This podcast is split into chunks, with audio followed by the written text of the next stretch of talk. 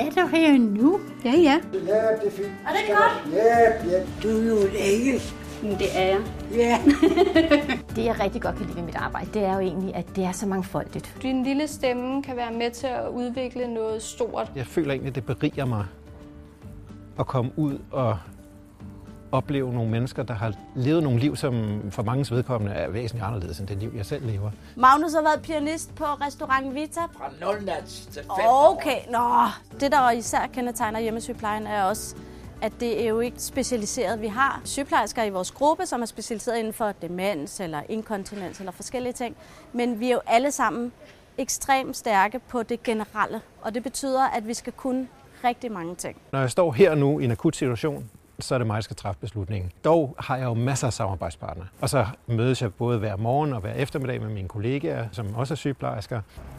Det med at komme hjem til folk og se deres hjem, som jo også er deres liv i virkeligheden, jeg, jeg, jeg får indtryk af, når jeg kommer ind, giver mig en anden dimension, når jeg udfører plejebehandling.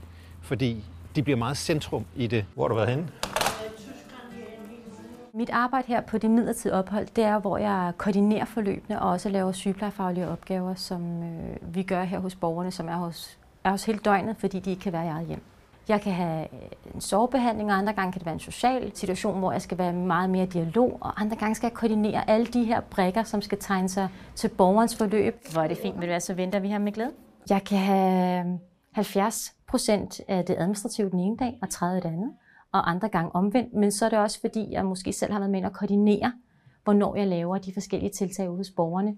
Jeg har aldrig berørt det kommunale regi. Må jeg komme ind? Og så lige da jeg trådte ind, så blev jeg bare helt forelsket i stedet. Jeg havde brug for at bruge min kandidat, og jeg havde brug for flere videreudviklingsmuligheder, hvilket der er i kommunen. Og jeg synes virkelig, at man kan skabe den erfaring, og man kan skabe de områder, man egentlig ønsker herude.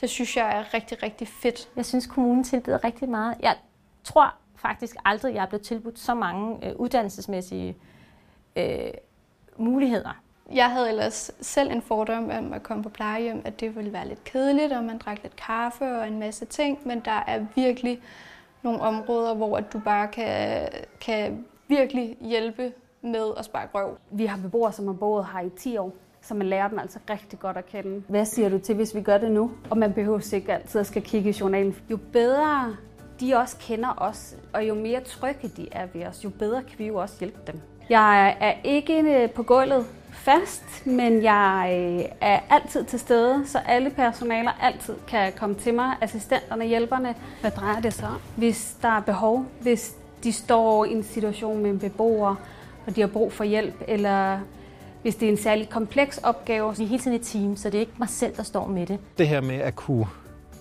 gøre en forskel for en patientgruppe, som er skrøbelig og som har meget stort risiko for at falde mellem to stole. Der kan jeg se, at jeg kan gøre en, en, en, en virkelig stor forskel. Nå, det døde havet.